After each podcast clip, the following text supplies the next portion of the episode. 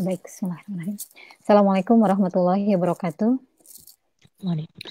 Alhamdulillah, alhamdulillahilladzi hadana li hadza wa ma kunna linahtadiya laula an hadanallah. Asyhadu an la ilaha illallah wa asyhadu anna Muhammadan abduhu wa rasuluh. Rabbi israh li sadri wa yassir li amri wa hlul 'uqdatam min lisani yafqahu qawli. Raditu billahi rabba wa bil islami dina bi Muhammadin nabiyya wa rasulah. Sadaqallahul azim. Alhamdulillahirabbil alamin.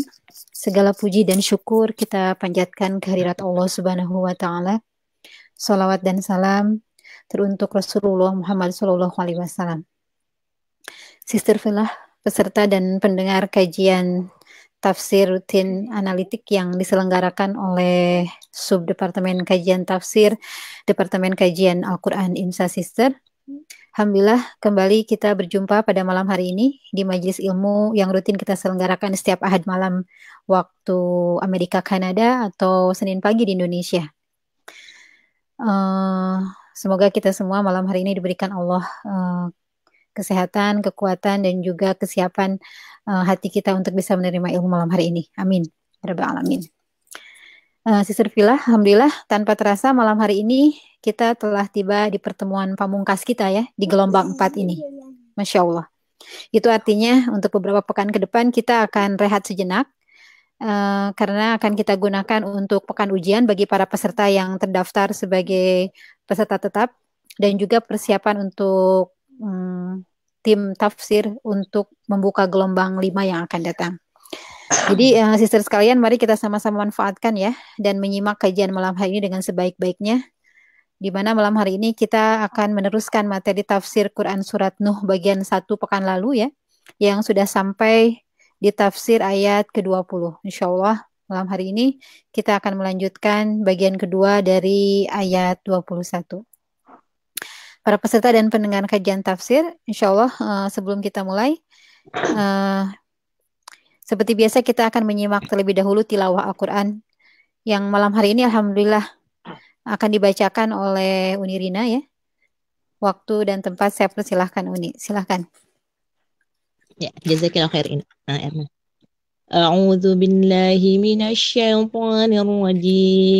Bismillahirrahmanirrahim. Qala Nuh قال نوح رب إنهم عصوني واتبعوا من لم يزده ماله وولده إلا خسارا. ومكروا مكرا كبارا.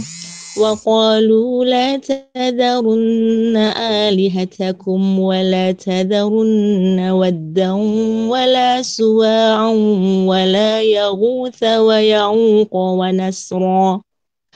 وقد أضلوا كثيرا. ولا تزد ولا تزد الظالمين إلا ضلالا. مما خطيئاتهم أغرقوا فأدخلوا نارا فلم يجدوا لهم من دون الله أنصارا. وقال نوح رب لا تذر على الأرض من الكافرين ديارا. إنك إن تذرهم يضلوا عبادك ولا يلدوا إلا فاجرا كفارا. رب اغفر لي ولوالدي ولمن دخل بيتي مؤمنا وللمؤمنين والمؤمنات ولا تزد الظالمين إلا تبارا.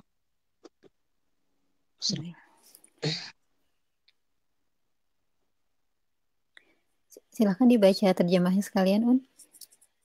Ya. Ayat 21 ya.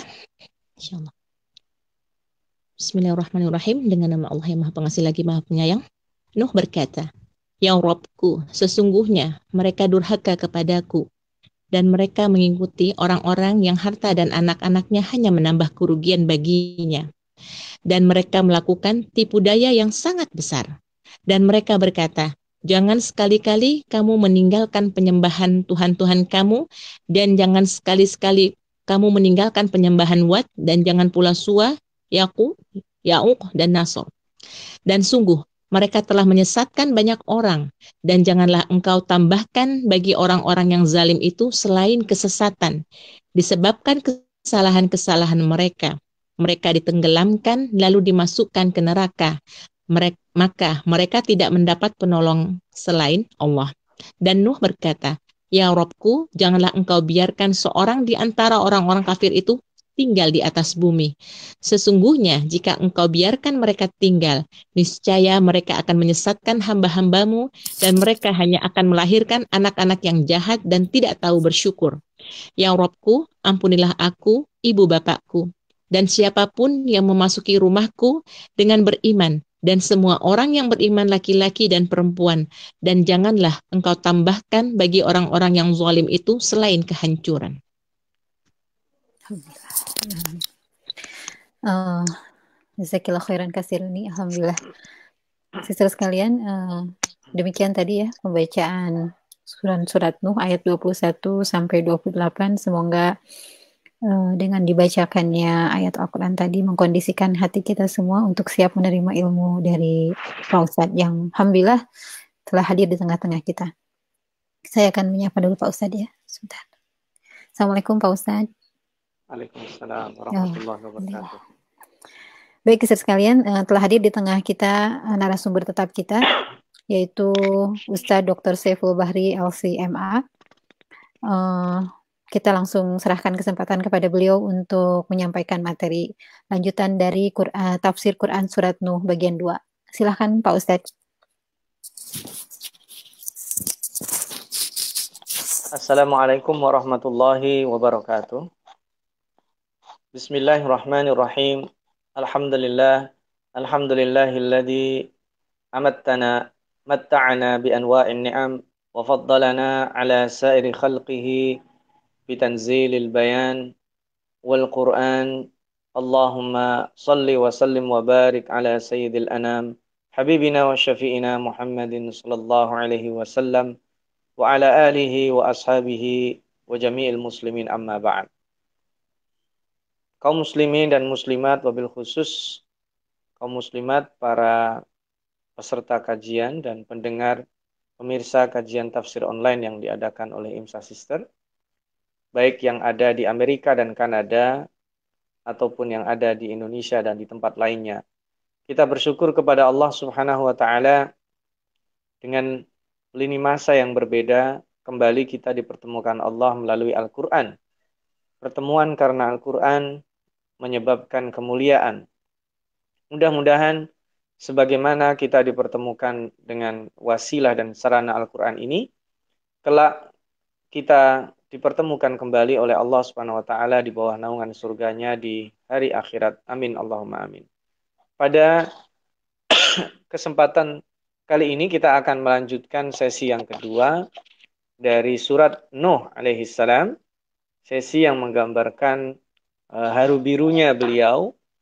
Tidak ada pilihan kecuali mengeluh kepada Allah, tidak ada pilihan kecuali memasrahkan hasil kepada Allah, memasrahkan apa yang telah dikerjakan, mandatnya dikembalikan kepada Allah, dan dengan logika yang sebagian orang mungkin mengklaim dengan salah, kita akan mencoba mengikuti bagaimana cara berpikir Nabi Nuh alaihi salam melalui gambaran surat Nuh atau di surat-surat lainnya.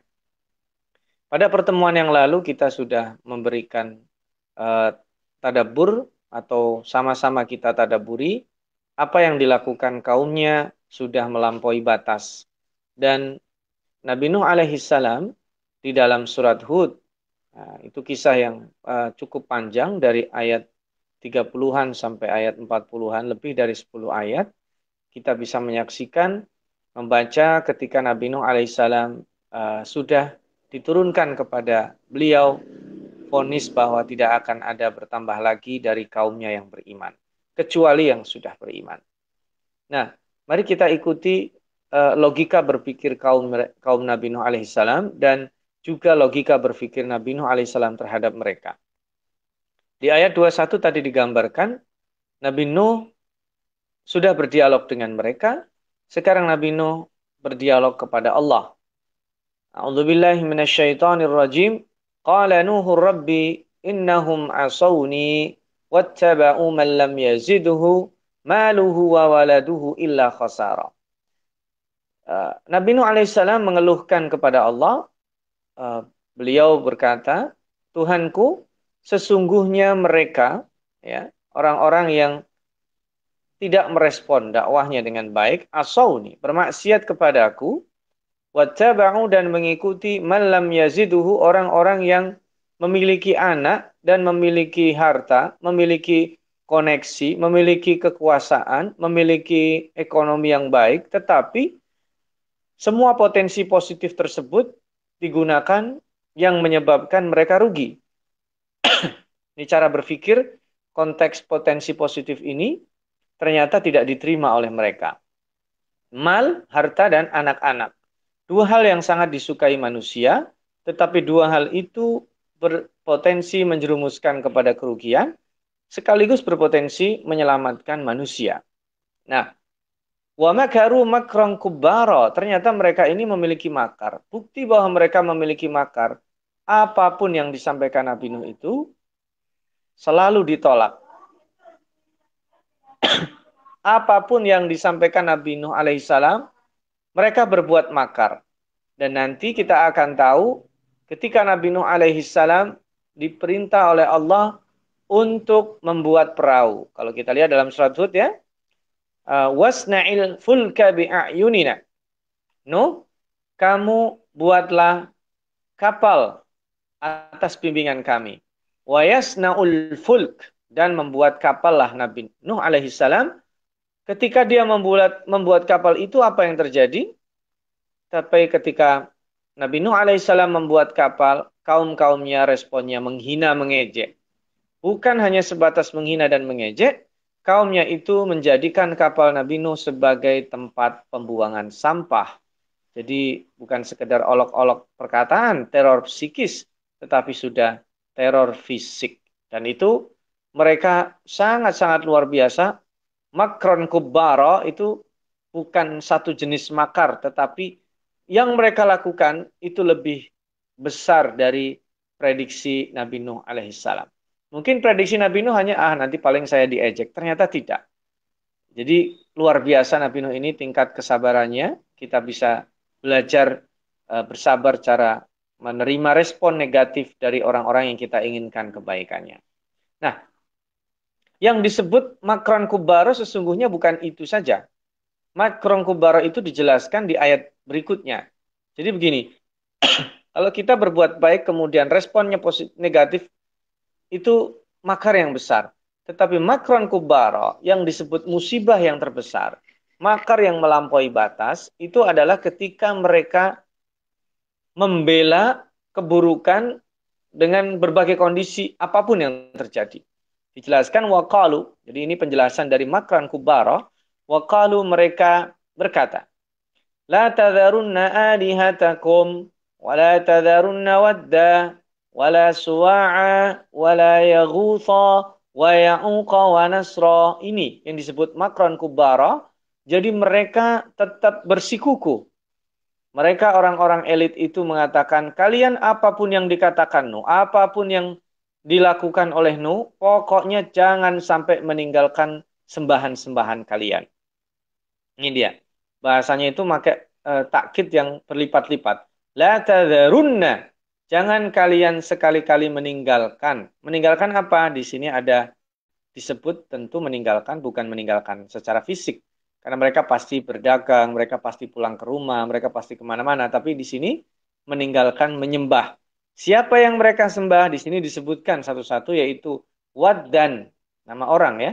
Suwa'an, Yaghutha, Ya'uqa, Nasra. Jadi ada Wad, Suwa', Ya'us, Ya'uq, dan Nasr. Ini adalah menurut riwayat Ibnu Abbas adalah orang-orang saleh di zaman sebelum Nabi Nuh alaihi salam datang. Orang-orang saleh itu sebenarnya sebagaimana orang-orang saleh sebelumnya tetapi mereka kemudian uh, oleh iblis dipoles, uh, ditahbiskan, dikultuskan oleh orang-orang yang datang setelahnya. Yang datang setelahnya uh, mereka memahami bahwa Wat, Suwa, Yagus, Ya'uk, Nasr ini kalau kalian mendoakan mereka, kata iblis akan lebih syahdu, lebih khusyuk ketika kalian mendoakan uh, ada bentuk perwujudan mereka. Maka buatlah patung-patung itu. Ketika dibuat patung mereka bukan menyembah eh, orang-orang uh, itu tetapi tetap menyembah Allah.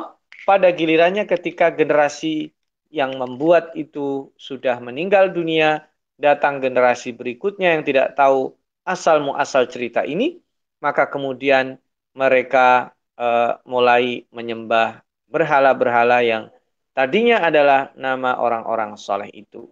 Hingga tergelincir dan kemudian Nabi Nuh alaihissalam memiliki misi untuk meluruskan uh, keburukan atau makar yang besar terhadap Allah Subhanahu wa taala. Jadi kesimpulannya berbuat makar kepada manusia itu buruk, tetapi makar kepada Allah itu buruk yang paling buruk. Jadi kalau ada orang mendolimi manusia, ada orang e, berbuat salah kepada manusia, karena itu adalah keburukan-keburukan yang Allah larang karena dosa-dosa besar itu memang yang terkait dengan Allah satu tetapi yang terkait dengan Allah yang satu itu mengakibatkan semua amal manusia tidak dianggap oleh Allah Subhanahu wa taala. Maka nomor satunya yang paling ujungnya dosa besar itu adalah syirik. Dosa besar itu adalah berbuat makar. Dosa besar itu adalah meniadakan ketuhanan Allah. Dosa besar itu adalah ketika Allah bukan hanya tidak dianggap tetapi ditantang, diejek ya. Ada pembangkangan terhadap Allah Subhanahu wa taala. Maka kemudian dosa besar yang lainnya itu melengkapi. Nah, makar yang paling besar di sini memang mereka menyakiti kekasih Allah itu dosa besar, membuat Allah murka. Tapi ketika langsung berhubungan dengan Allah, bersyirik kepada Allah, menyekutukan Allah, maka makran kubbara ini luar biasa, Allah Subhanahu wa taala akan sangat murka sekali. Apa yang terjadi? Orang-orang yang tadi punya superioritas sosial, anak banyak, harta banyak, menyuruh kesesatan, maka mereka dikatakan waqad adallu kathira dan mereka itu menyesatkan banyak sekali dari manusia. Kathiran di sini adalah kathiran lil adat untuk banyaknya manusia yang ikut mereka atau juga kathiran lit taukid. Jadi menyesatkannya itu lebih banyak daripada tidak. Maka dipertegas wala tajidil zalimina illa dhalala dan uh, Nabi Nuh alaihissalam ini berdoa jangan engkau tambah mereka kecuali kesesatan. Nah, ini begini. Kita kalau hanya melihat sekilas doa Nabi Nuh alaihissalam, ini kelihatan doa-doa yang keras sekali. Tapi pola berpikir Nabi Nuh alaihissalam, ketika datang kepadanya sebuah e, berita dari Allah Subhanahu wa taala bahwa tidak akan ada lagi yang bertambah, maka Nabi Nuh alaihissalam tidak memiliki pilihan kecuali udah ya Allah habiskan mereka. Dan itu Nabi Nuh mulai dari runutan supaya kita tahu dari dakwahnya siang dan malam yang kemarin sudah kita bahas dengan cara berdakwahnya pelan, keras eh, dalam artian masih dalam taraf keras itu disampaikan terang-terangan, sembunyi-sembunyi, satu-satu, berkelompok dan semua itu dijelaskan di dalam beberapa asar itu tidak mempan maka respon yang mereka lihat eh, sangat di luar dugaan. Dan Nabi Nuh alaihissalam sebenarnya respon pada dirinya itu dia bersabar. Tetapi ketika responnya itu sangat luar biasa, disekutukannya Allah, Nabi Nuh alaihissalam marah. Dan Nabi Nuh alaihissalam mengambil kesimpulan ini tidak ada kebaikan. Maka wala tajidil zalimina illa dhalala. Ya Allah jangan engkau tambahkan kecuali kesesatan. Udah biar mereka aja nanti. Tambah sesat ya Allah. Lalu Allah Subhanahu wa taala uh, menjelaskan kepada uh, kepada kita menyebabkan sesat itu akibatnya apa? Di sini saya baca ya. Mimma khati'atihim ughriqu wa udkhilu nara lam yajidu lahum min dunillahi ansara.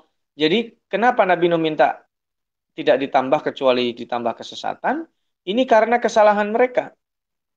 Dan mereka ditenggelamkan lalu dimasukkan neraka, maka mereka tidak mendapat penolong penolong bagi mereka selain Allah Subhanahu wa taala.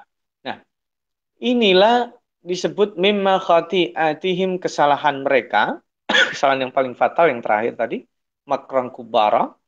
Lalu ini uh, tidak termasuk doa Nabi Nuh. Nabi Nuh tidak pernah mendikte Allah, ya Allah hukum mereka, tenggelamkan mereka, tidak. Nabi Nuh alaihissalam doanya umum. ya. Nanti di paling terakhir ayat ini akan kita ulang lagi. Mereka ditenggelamkan Allah, dimasukkan neraka di akhirat, ya, dan tidak ada yang bisa menolong. Termasuk orang-orang yang disembah oleh mereka tadi itu. Ada Yagus, ada Ya'uk, ada Nasr, ada Wat, ada Suwa, orang-orang yang mereka sembah itu tidak pernah sekalipun uh, bisa membantu mereka. Qala Nuhur Rabbi la tadhar 'ala al-ardi minal kafirina dayyara. Ini diperjelas lagi. Ya Allah, ya Tuhanku, jangan engkau tinggalkan seorang pun hidup di atas bumi ini dari orang-orang kafir itu. Kalau kita lihat di ayat 26 itu keras sekali. Karena kenapa? Kalau seandainya engkau sudah bilang nggak ada yang beriman, ya udah habisin. Jangan engkau sisakan satu pun. Jadi begini, ini yang tahu hanya Nabi. Maka sebaiknya kita juga tidak berdoa seperti itu. Nah, kalaupun kita berdoa seperti itu, apakah kita termasuk melakukan kekejaman? Tentu tidak. Karena pola berpikirnya pola berpikir Nabi Nuh. Kalau memang ya Allah, engkau tahu di dunia ini sudah tidak ada lagi orang yang beriman, maka hancurkan mereka. Jadi kita jangan membandingkan Nabi Nuh dengan Nabi yang lainnya. Ketika Nabi Muhammad Shallallahu Alaihi Wasallam ditawarkan hendak menghancurkan itu malaikat, eh, orang-orang yang menyambitin beliau, yaitu Bani Thaqif ya, di Taif, beliau tetap berharap ada di antara keturunannya itu uh, tetap bisa diharapkan menyembah Allah Subhanahu wa taala. Uh, jadi memang belum tidak ada fonis seperti Nabi Nuh. Kalau Nabi Nuh itu dikatakan dalam surat Hud ya, wa uhiya ila nuhin annahu lan yu'mina min qaumika illa man qad aman. Tidak ada yang akan beriman lagi kecuali orang yang sudah beriman. Jadi memang tidak akan ada. Maka ini konteksnya berbeda. Maka ada ketika ada orang mengkritik misalnya, kita berdoa, Allahumma ahliki zalimin bil zalimin. Boleh. Ya Allah hancurkan orang zalim itu dengan orang zalim. Melalui orang zalim. Atau lebih tepat lagi, Allahumma ahliki zalimin. Hancurkan kezaliman itu. Lebih umum, bisa. Uh, jadi berdoa seperti itu tidak dilarang.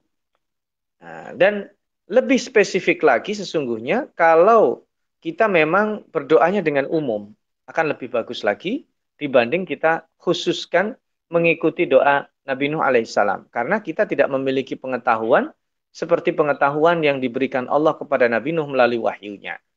Ketika misalnya kita punya tetangga, kita punya orang-orang yang kita dakwahi, orang-orang yang kita harapkan kebaikannya, sudah sekian tahun tidak mau dengar juga, kemudian kita berdoa persis seperti doa Nabi Nuh, tentu lebih afdol itu tidak dilakukan. Karena kita tidak tahu apakah orang tersebut akan beriman atau tidak. Itu satu. Yang kedua, dari sisi kemanusiaan, kita tetap bisa mengharapkan kebaikan.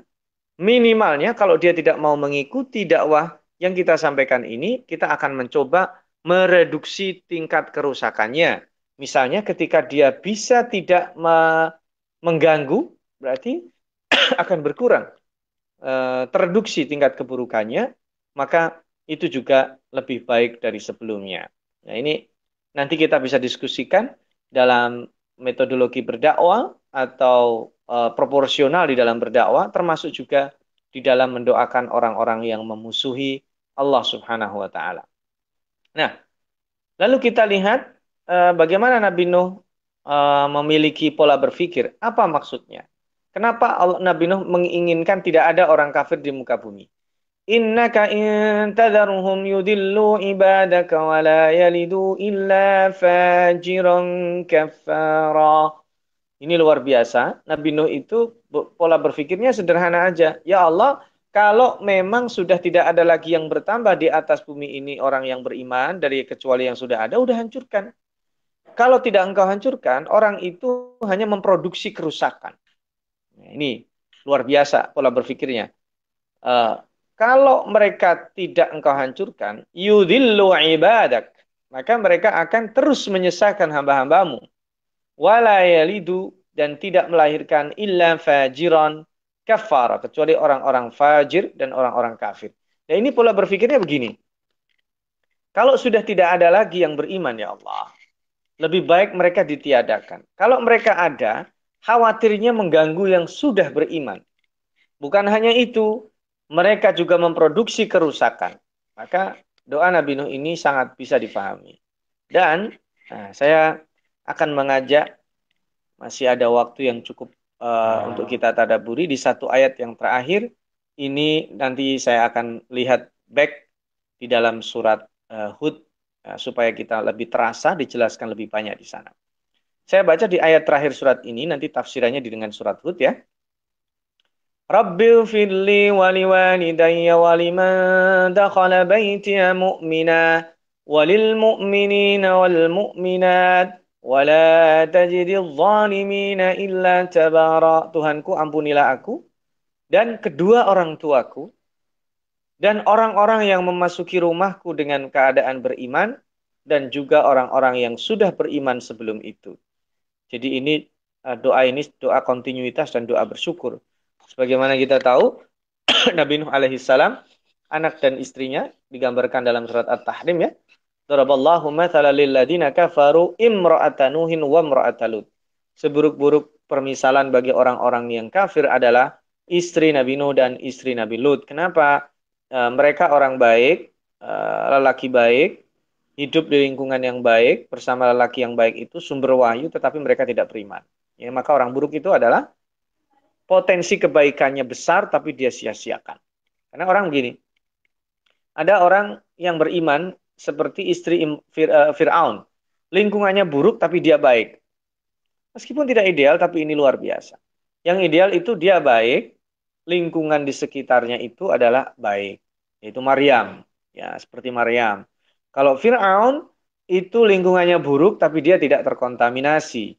Ada juga orang lingkungannya buruk dia jadi buruk kayak Abu Lahab dengan istrinya itu digambarkan ya. Nah, yang paling buruk, lebih buruk lagi adalah lingkungannya baik dia menjadi uh, berada di tempat yang kebaikan sumbernya dari situ tetapi dia tidak bersyukur dan mengabaikan kebaikan itu maka dikatakan Allah daraballahu mathalan lilladina kafaru imra'ata nuh wa imra'ata lut jadi itu termasuk permisalan yang paling buruk nah dengan keburukan itu Nabi Nuh memang bersedih tetapi Nabi Nuh alaihissalam nanti lebih bersedih ketika dengan anaknya Ya, kita nanti akan saya akan coba buka dalam surat Hud ya. Nanti kita tadaburi bersama.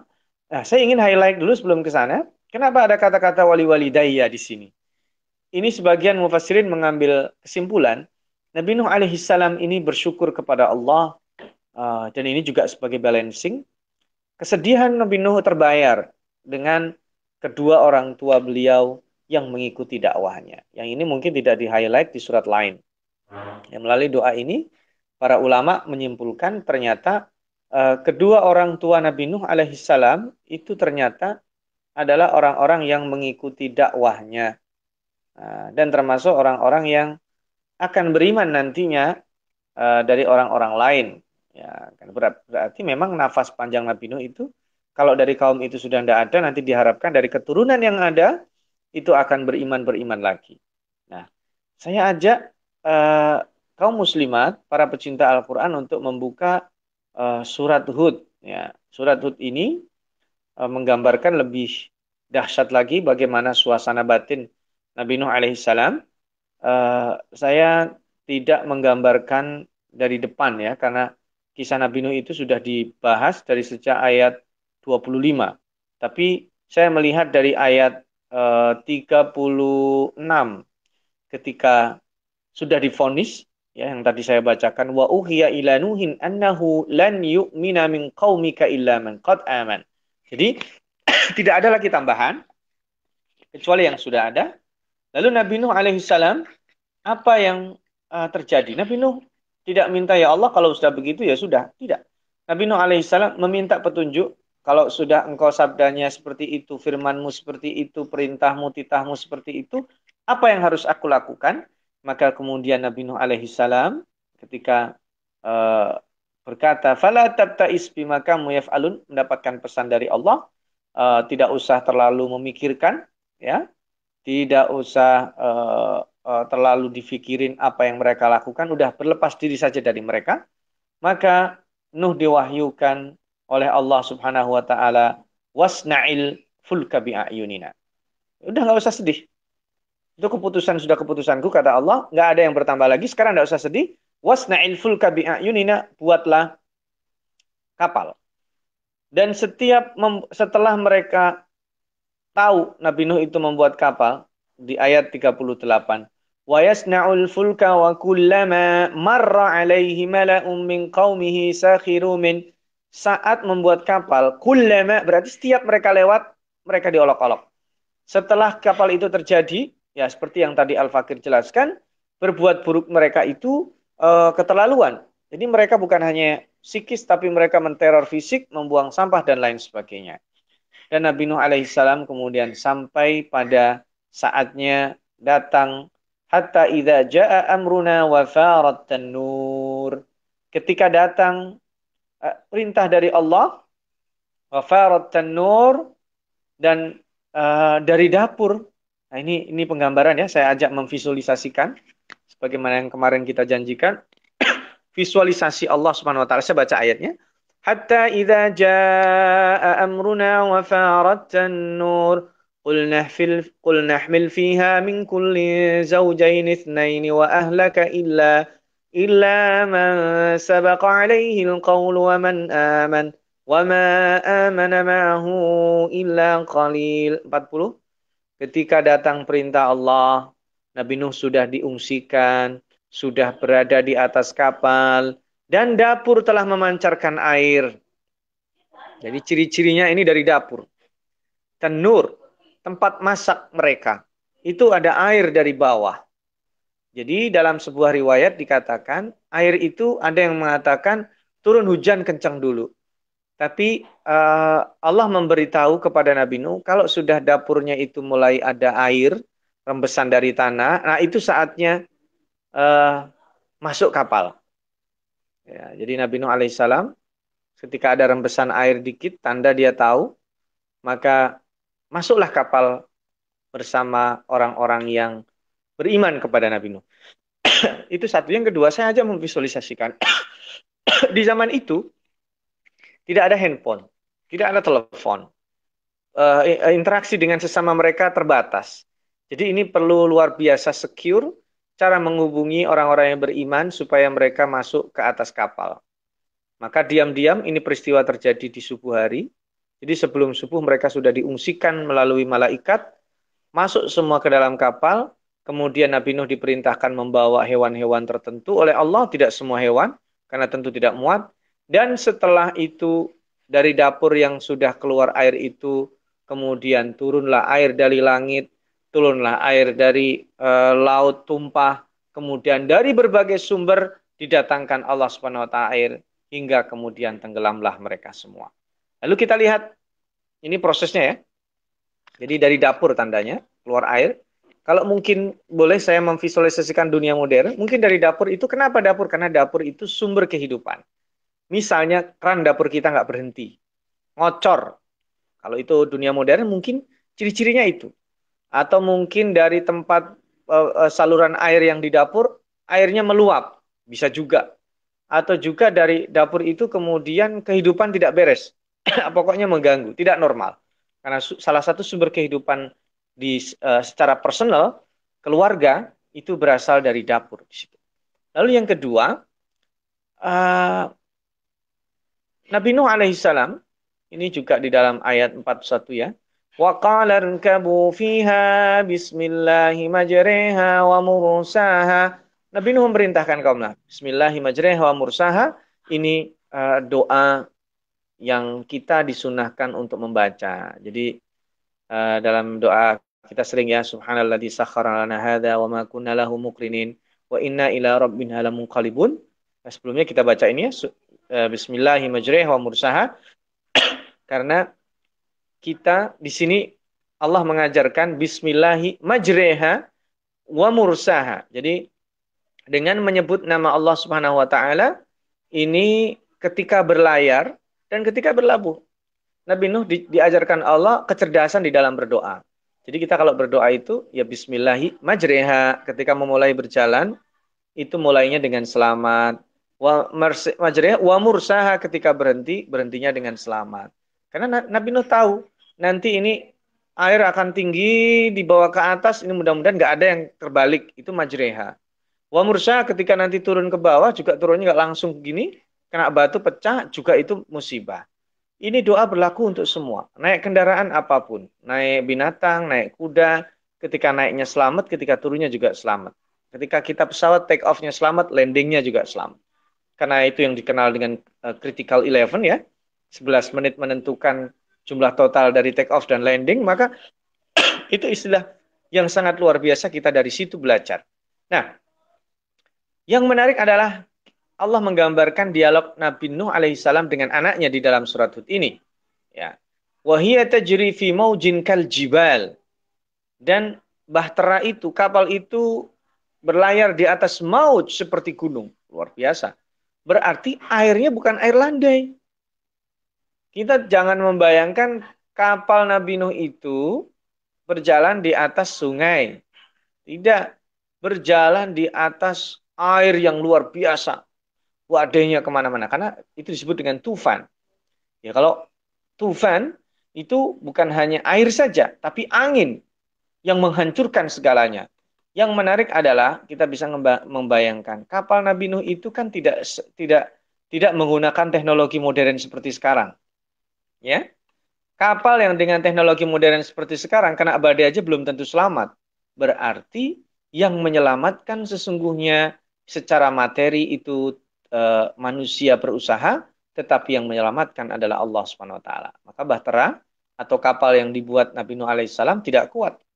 Dengan teknologi modern kita tahu hari hari itu peralatan Nabi Nuh terbatas. Tetapi mengapa bisa selamat? Yang menyelamatkan adalah zat yang tadi bismillahi majreha wa mursaha. Itu oh, yang kedua.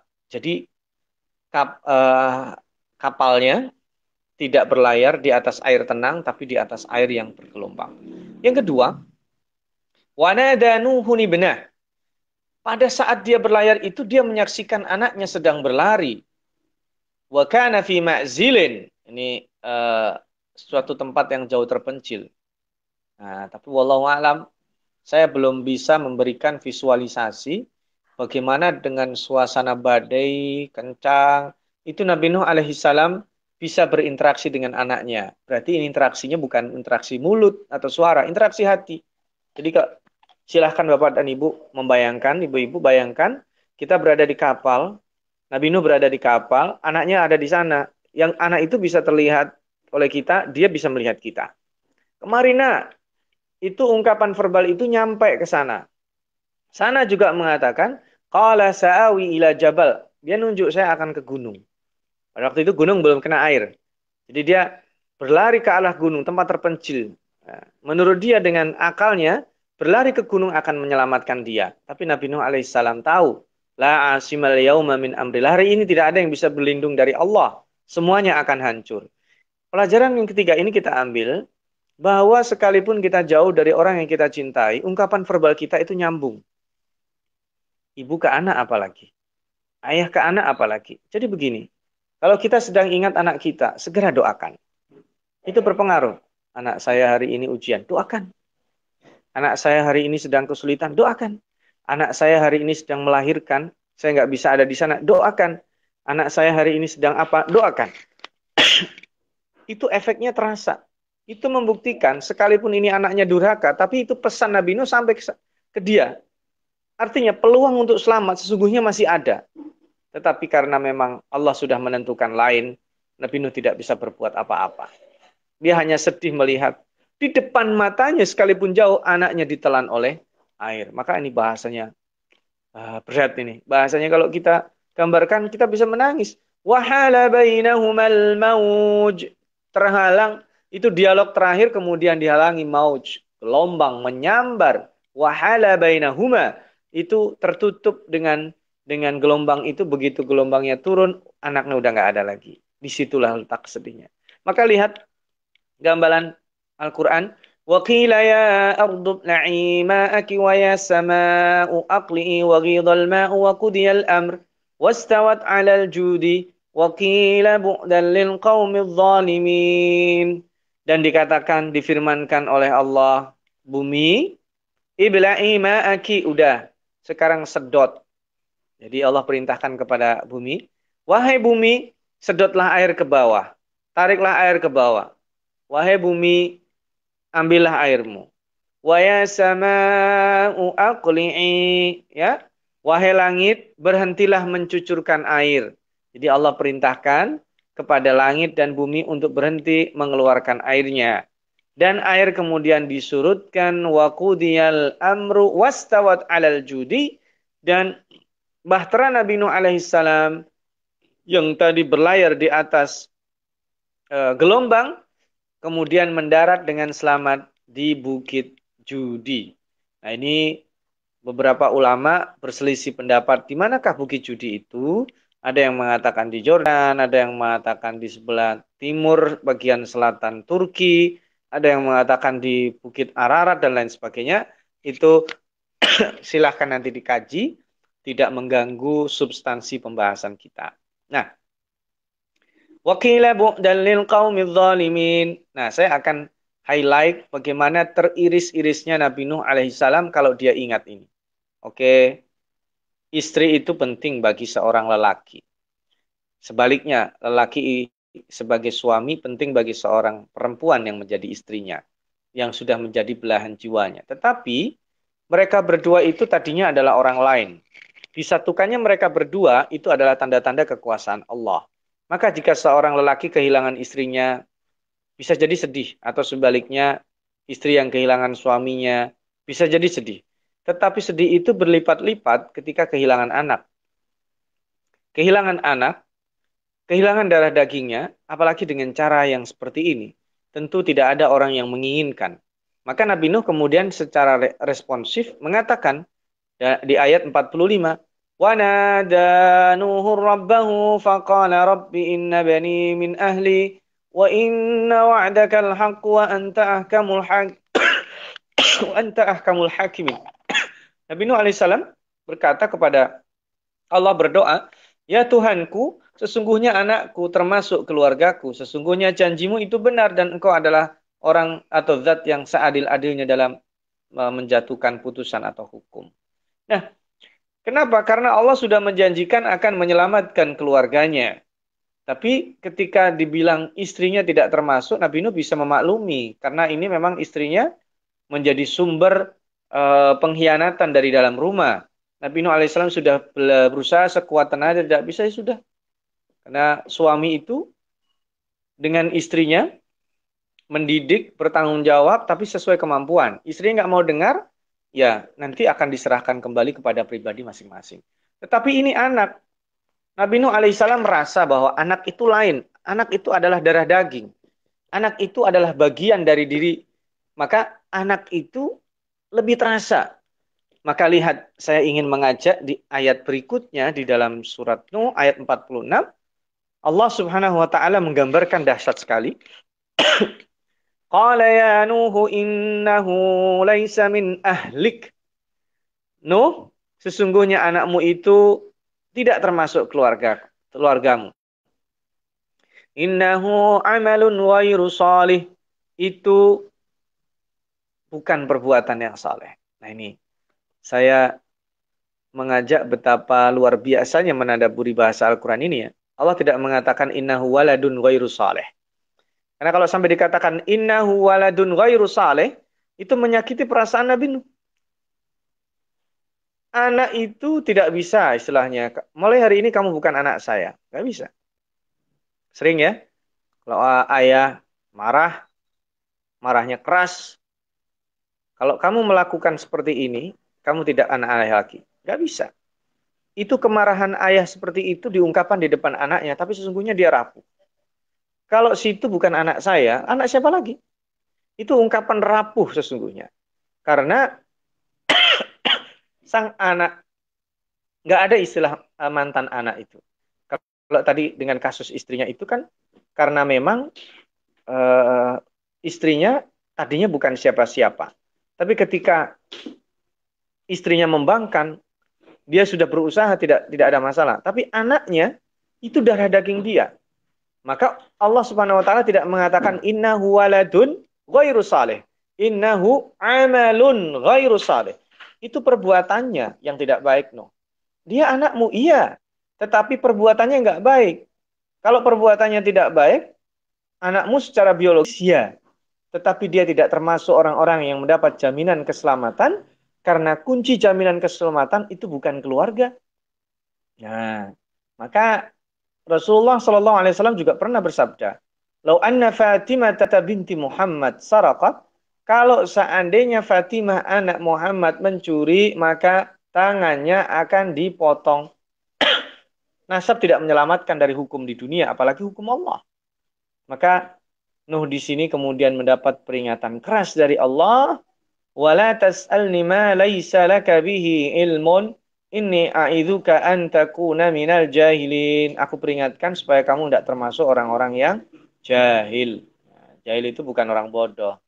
Uh, tidak ada istilah jahiliyah itu bodoh. Mereka mampu secara uh, otak dan fisiknya, tetapi yang membuat mereka bodoh itu karena tidak mau bersyukur atas nikmat Allah atau nikmat hidayah.